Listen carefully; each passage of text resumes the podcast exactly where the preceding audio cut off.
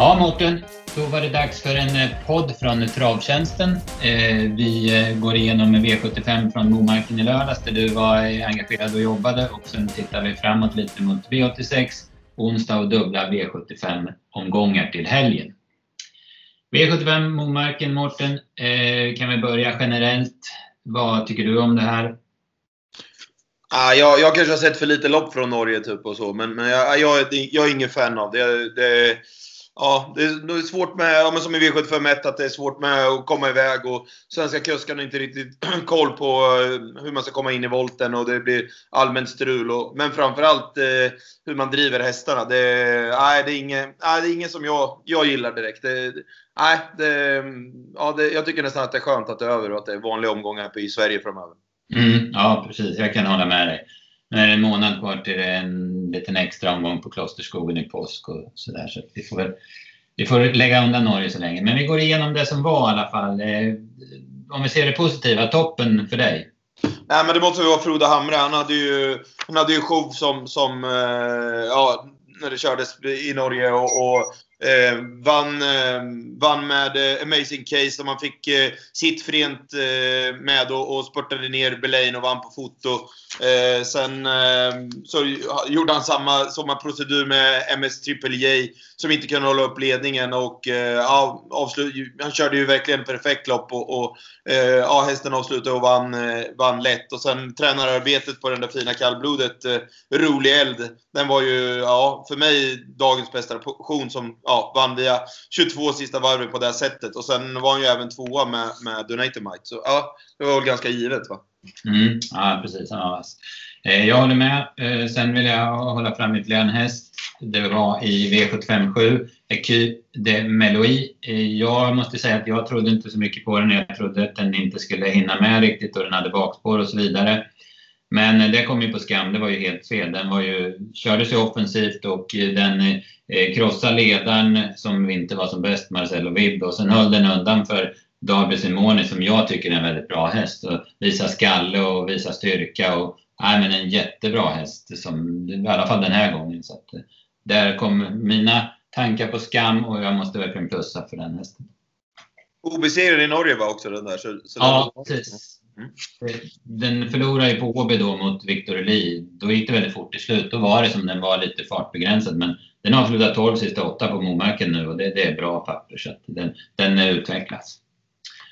Eh, du har varit inne på en del tråkiga saker. Starten i V751, den skriver jag verkligen under på. Och sen drivningarna, det håller jag med om också. Starten i V751, det kan jag tycka att man skulle ju ha strykit det skulle ju domarna gått in och plockat bort nummer fem Gringo Boko och nummer sju Star Commander. Gringo Boko, han har ju nästan aldrig startat med voltstart och han var ju liksom aldrig rätt.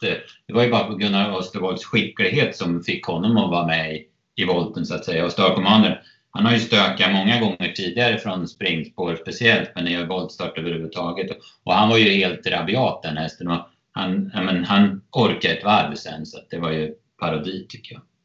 Ja, det, det, blir inte bättre när de varvar upp sen heller. Men sen, sen får jag feeling att de inte riktigt har koll heller. Och det blir ju än mer ja, men under all kritik. Att man ska köra ja, men, eh, V75 och det är det största som händer på, på, eh, på veckan. Och så har man inte riktigt koll när man ska in i volten eller ja, upplägget och sådär. Typ. Så, ja, jag tycker det blir ja, det är ren pannkaka. Liksom. Mm, nej, jag håller med. Det, det är, när det funkar, som i kallblodsloppet till exempel, där det i stort sett bara var norska kuskar, men då är det ju voltsystemet bra, så det är inte där det är fel på, utan det var ju ja, men hur, hur det sköttes helt enkelt. Nej, precis. Men då är det ju de som kör där vecka ut och vecka in och har koll på grejerna. Liksom. Men, men nej, det var många svenskar som inte var, var nära. Och, vi, vi kritiserar ofta när fransmännen kommer hit och ja, de är lalliga och inte har koll och hit och dit. Men, men ja, vi får ta på oss skämsmössan många gånger på, på, när vi kommer dit och, och, inte har koll på. För det måste man ju också kunna, liksom, i så fall får man ju sätta sig och, och titta. Eller, ja, men vi vet Erik Adielsson har tagit gått ut och hjälpt många frans, fransmän när de har varit i Sverige. Men, men här är det ju många svenskar som är helt fel på det när de ska in i volten. Mm. Ja, jag håller med. Helt klart. Eh, det var det. Eh, vi kan ta nästa punkt. Det är några nästa gång. Lira nästa gång. Hittar du några? Om vi ska titta på de svenska hästarna, vi har ju lättare att spela dem för de norska lär ju tävla i, i, ja, i Norge. Då, då måste man ha konto där för att kunna spela.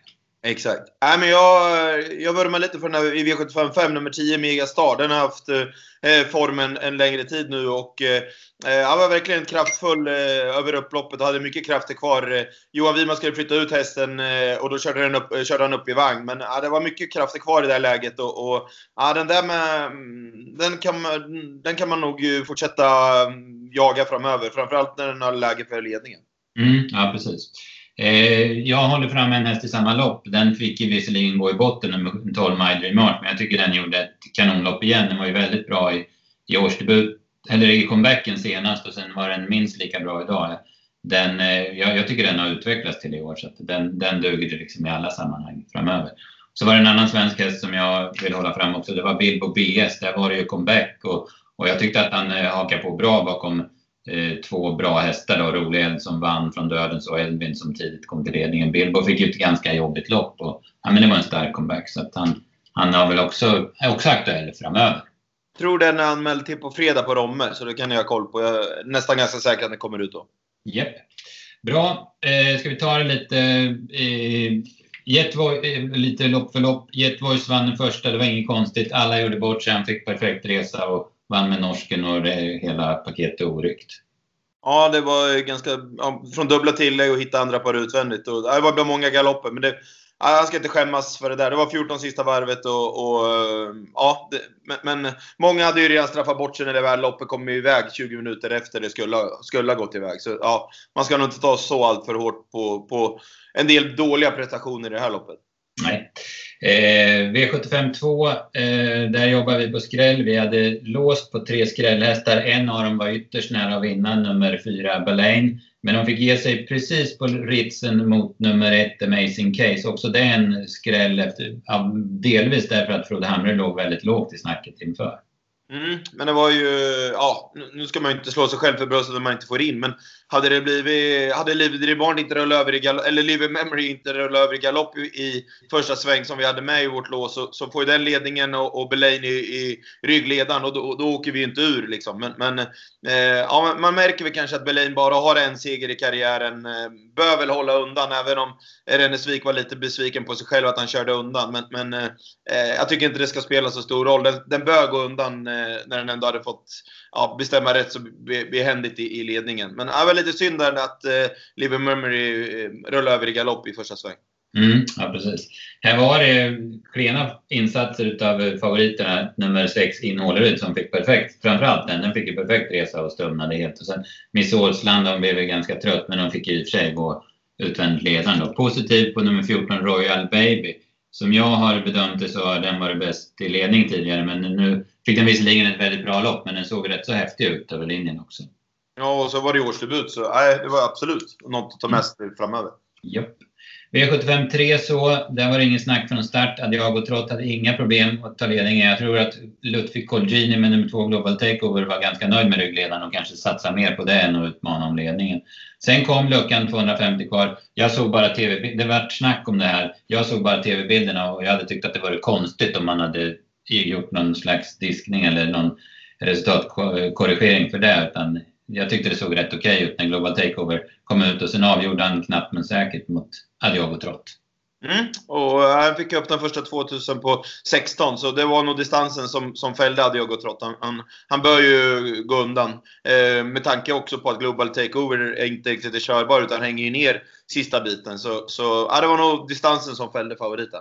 Mm, jag tror också att det här att han inte tävlar med spö, det gjorde ju givetvis inte Global Takeover heller, men, men jag, jag tror att han blev lite ja, men lite konfunderad över det. Det, det händer ju andra hästar. Hade jag trott det med på, på V75, i V75-finalerna på lördag på Valla från spår 6 då med Kristoffer Eriksson i vagnen. Så att, eh, han såg i alla fall fin ut kan man väl säga. Eh, bakom där var det väl inget speciellt. American Check gjorde ett rätt så bra lopp, men det var ju lite väntat tyckte jag med tanke på de, det bra snacket och den, hur han såg ut gången innan. Jag tycker Kick-Off Classic avslutar bra som fyra och fortsätter visa form. Mm, håller med. V75 4 så, det var rolig eld, en klass för sig. Vi garderade, men det var lite mest för att och, liksom speltekniskt för att försöka få någon, någon eh, stuns i, i systemet. Liksom. Men våra norska vänner som vi spelade in en podd med i veckan, de var ju helt klara på rolig eld och det, det visade sig ju vara, vara rätt bedömning. Ja, ruskigt läcker häst och som vi sa förut i toppen, 22 sista varvet på det sättet. Ja, den här var, ja, det var, ja, det var, det var, de tävlade i en egen, i, egen liga i det här loppet. Mm, ja, precis. Det kan vi säga Adrian Solberg Axelsen, han är ju ganska ung kille. Han, jag tror att han är någon slags försteman hos Frode Hamre. Han, han kör ju den här hästen ofta, men han kör ju även Odd Herakles som i alla fall i fjol var var Norges bästa kallblod. Så att det verkar vara en ung kille som kan det här med kallblod. Mm. V755 då, eh, Frode Hamre seger igen, MS Triple J. Den däremot var ju chanslös att hålla upp ledningen och, men kunde vinna från ryggledaren istället. Ja, precis. Eh, nummer tre, Red Bar, eh, tog ju lätt ledningen och uh, Jörgen Westholm gjorde ju allt för att, för att hålla fast favoriten. Men, men uh, det gick inte och um, ja, MS Triple J var ju skyldig att vinna när den fick det där fina loppet. Men precis som du sa, My Dream Art, jättebra tränarjobb av Jörgen Westholm. Han har ju haft lite problem med moralen tidigare, den här hästen, och han alltid visat högt kunnande. Men, men ja, bra jobb av, av Jörgen. och Jättefint skick i hästen på Solvalla när den vann mot eh, en bra Niklas Westerholm med Santis Brasilva. Och sen eh, gjorde den här insatsen den här gången från döden. Så, så ja, den, den, eh, ja, jag hoppas att det verkar som att alla bitar börjar falla på plats. Och, och eh, plus för Jörgen. Mm, tveklöst. Det var ett ganska bra lopp. Cracky höll sig lugn och spurtade ganska bra. Eh, SKs Mystic Titan, det, vet jag, där snackar man om att det kan vara en derbyhäst eh, i Norge framöver. Eller ja, till hösten då. Dream Builder gjorde ett bra lopp igen. Så det här var ett eh, det var ganska bra plats för det här loppet. Mm. Och så min megastar. Ja. V75 6 då, där eh, kunde inte Pastore Bob ta en längd på Donatomite och sen backade Johan Untersteiner ner honom i fjärde parin. Eh, jag kan säga en, en rek, eller vad ska jag säga, en, en, en upptäckt som jag gjort när det gäller Donatomite. Han har ju blivit mycket snabbare ut de här senaste två starterna kan man säga. För jag har ju sett honom många gånger i Norge. Då han har mött de här vanliga norska guldhästarna. Eh, Deep Sea Dream, eh, Pebbe Simoni, Fotolavec och vad de heter. Och han brukar inte spetsa, eller har inte gjort det i alla fall. Utan han har skenat till ledningen efter 200-300 meter. Men, men, nu är han en blixt bakom bilen. Så att, som sjuåring har han utvecklat den, den grenen. Mm, absolut. Eh, Pastor Bob nådde inte ledningen. Sen eh, försökte Johan trycka sig till spets men han fick inget gensvar av hästen. Han backade ner den i fjärde par invändigt och, och sen så kan man väl säga att Pastore Bob åkte med lite där bakom och gjorde väl ingen, ingen, eh, ah, ingen speciellt bra prestation.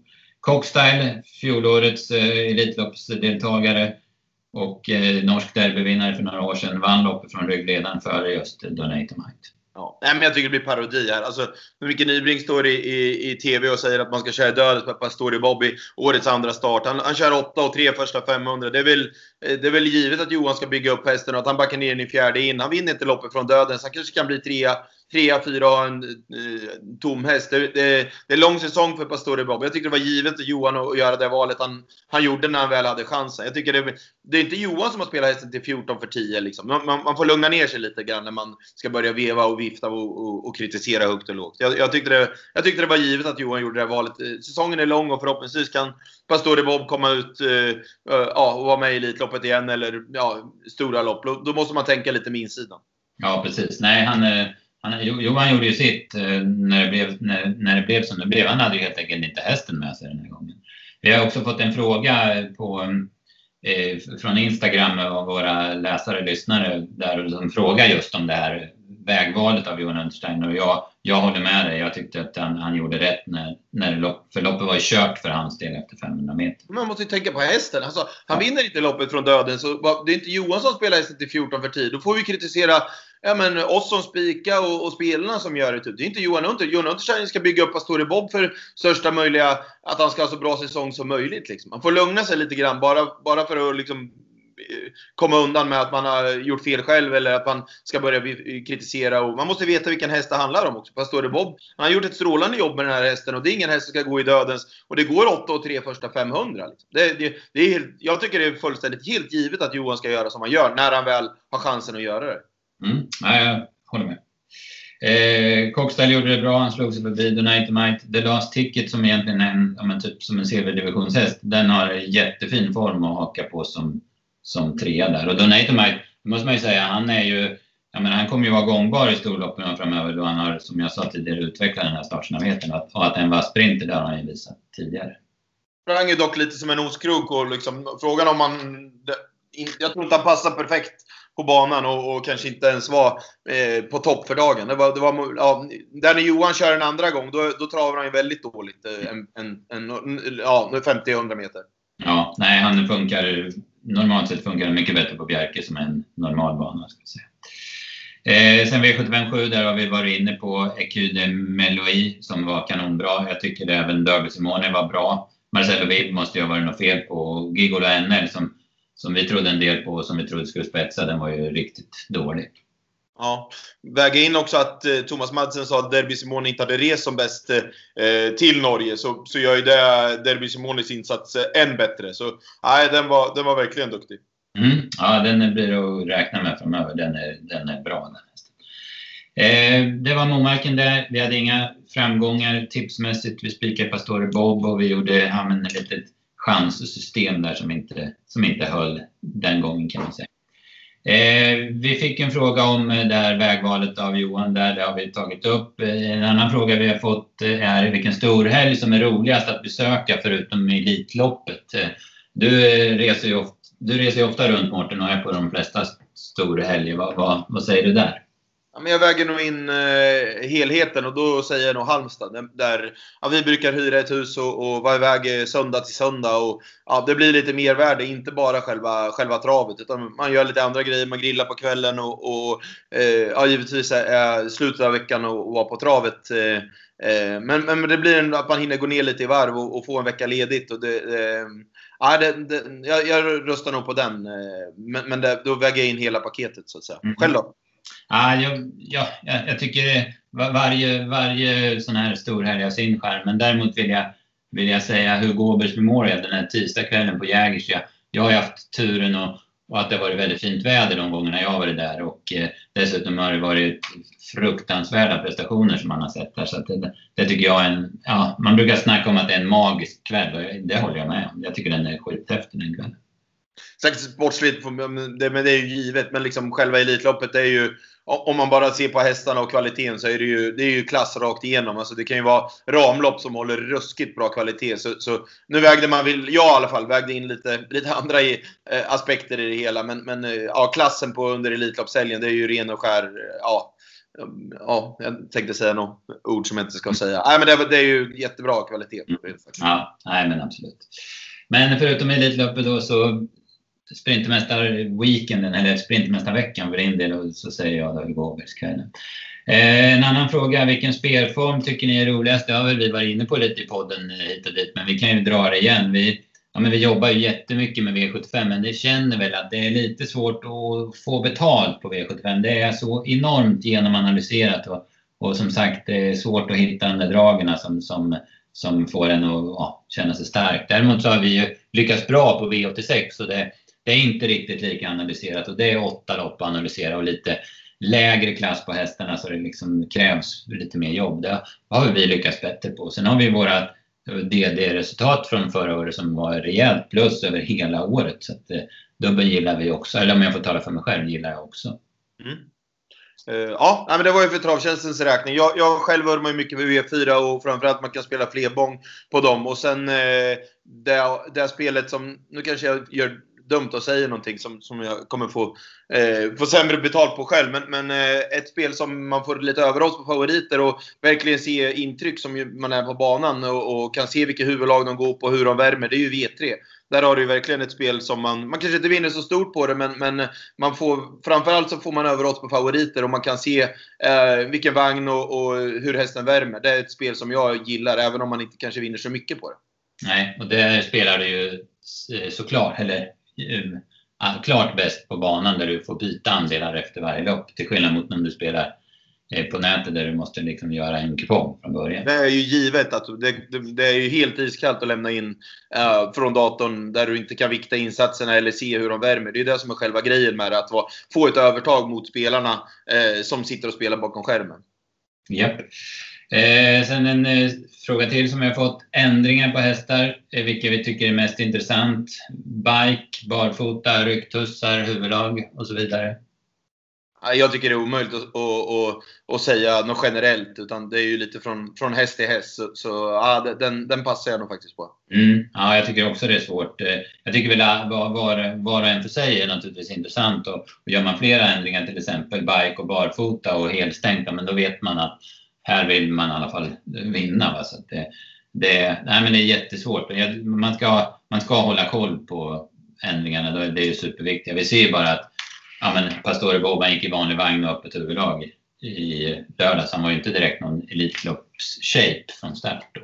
Något som är viktigt att notera där är väl att det finns bike, bikekuskar och så finns det kuskar som inte är så bra i jänkarvagn. Jag tänker på Jorma Kontio, och Torbjörn Jansson och Magnus Jakobsson. Det är ju det är kuskar som har uttryckligen sagt att man inte trivs så bra i jänkarvagn. Och då är min, min känsla att det tappar liksom själva, själva eh, effekten kontra om man tittar hur Johan Untersteiner ligger i en jänkarvagn exempelvis. Så bara för att det är Eh, jänkarvagn och att Magnus Jakobsson kör, så är ju inte det lika effektivt som, som det är om Johan kör. Det, det är min känsla och det tycker jag är viktigt att, att, ta med sig.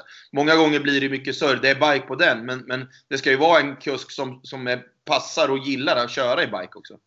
Helt klart. Håller med fullständigt. Ja, det var det. Det var lite frågor. Kul! Jag hoppas att ni skickar in fler. Vi ska väl skicka någon länkare inför kommande poddar också, att ni, om ni vill komma med några fler. Vi ska en fråga var också om drag till lördagen, när vi kan komma till det. Det tänkte jag alldeles strax. Eh, vi kan börja med att snacka upp eh, eller V86 som på onsdag körs på Åby och Solvalla. Eh, så väl, ja, det är alltid spännande tycker jag med Åby. Det gillar jag skarpt. Så att, jag har väl hittat en tänkbar spik på Åby om man det är V86 3 nummer 4, Scorezone. Jag vet när vi var och och gjorde studiebesök hos Veijo Heiskanen i april, det är snart ett år sedan. Då sa han att det, ja, men det här är nog min bästa treåring. Han levererar väl sådär, men i senaste starten i årsdebuten på Färjestad, då gjorde han i alla fall sin överlägset bästa prestation så här långt. Och gör han om det loppet, då, då, tror jag att han har bra chans att vinna V86.3 på onsdag. Så, men vi får se var vi hamnar med tipsen när vi släpper dem på klockan eh, 15 på onsdag så var det alltså V75-finaler på Valla. Superbra klass på loppen måste man väl säga. Va? Rakt mm. igenom. Vi har bara i stort sett skrivit ut listorna och varit klara igår kväll vid sjutiden. Så att, men, men du hade en direkt som poppade direkt upp ur startlistan. Ja, om man ska börja i, och avbryta det lite. Superkul att Double Exposure kommer ut i V751. Hon kommer ju bli jättefavorit, men det här är ju en ruskig klass. Så kul att bara det är vårt tecken att bara se en sån komma ut. Men den som poppar upp, och det kanske inte blir skitintressant, eh, men, men det är ju Global Trust i V757 eh, som eh, fick spår 3 bakom bilen, funkade bra med bike första gången senast på Mantorp och var ja, knappt slagen. Eh, kommer komma, lätt komma förbi nummer ett Velvet Gio och eh, två Rafiki Fri. Och i ledningen trivs han superbra. Och, och, du var väl till och med inne på att han är obesegrad i den positionen. Så, så ja, jag tror att han har bra chans i, i V75 7. Mm. Ja, jag håller med. Jag, jag, jag, jag, tror jag sa det redan efter Mantorp i förra veckans podd att att det skulle bli extra bra med biken om man kunde springa på innerspår och det, det ser det ut som det ska kunna bli där. Sen hade vi gemensamt en, en eh, som vi trodde på i V75 4, eh, diamantstorhetsfinal som brukar vara ganska svårlöst men, men det var en häst som vi kände för.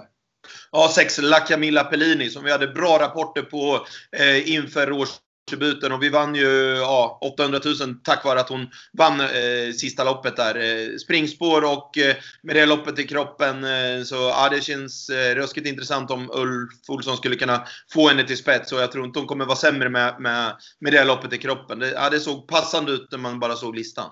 Mm, nej, jag håller med. Tveklöst. Eh, hon, eh, där kan vi säga en sak. Jag, jag brukar inte bry mig så mycket om tider och så, eller sluttider. Jag klockar gärna avslutningar och så. Men, men eh, sluttider eller kilometertider brukar jag inte bry mig så mycket om. det kanske någon reagerar på att en sån som Tanasi Bov, den vann ju på 14.2 senast och La Camilla Pellini gick 16.4. Men då ska man ju ha med sig att så här års och på hösten, då, kan det, då skiljer det enormt över Sverige hur banorna är. Jag menar, menar de, de kan ha sommarbana i mars i södra Sverige, Kalmar, Jägers och Halmstad, så kan det ju vara eh, tungsprunget här uppe i Mellansverige och rena vintern uppe i norr. Så att, eh, jag tycker inte man behöver titta på det. Utan jag, jag tror också att Camilla Pellini har, har bra chans att vinna det loppet. Nu ska vi väga in att hon gick ju 1200 meter i tredje spår. Den här gången så tror ju, eller förhoppningsvis så kan de få trava i ledningen. Det ju, gör det ju än enklare. Yes, så är det. Det var det. Det var lite snack inför V75 eh, Valla lördag och de tipsen släpper vi som vanligt fredag klockan 15. Sen är det ju också en extra V75-omgång på söndag och det är väl Boden då som gäller eh, där. Så då, inför den gången får vi väl förmodligen grotta lite i det finska arkivet. Det brukar vara så på Boden. Eh, de tipsen släpps efter tävlingarna på lördag kan man säga. Så att eh, på lördag kväll har ni dem tillgängliga om ni är intresserade. Ja, det var allt. Det var kul, kul podd, lite frågor och lite respons från, från lyssnare. Så det, det kändes eh, eh, positivt. Mm, ja, och framförallt som du var inne på, tävlingarna på lördag. Jättebra klass. Nu känns det som att de, de, de bättre djuren börjar komma ut och, och ja, det kommer nog bli eh, ruskigt bra prestationer en, en tid framöver nu. Ja, så är det. Tveklöst. Bra sport, de bra hästarna kommer ut och sen premiär Allsvenskan i helgen också. Ja, just det. Ja, precis. Ännu, ännu ett vårtecken. Ja, precis. Så är det. Vi får köra på med, med våra tips och försöka leverera så, så får alla lyssnare ha det så bra så länge.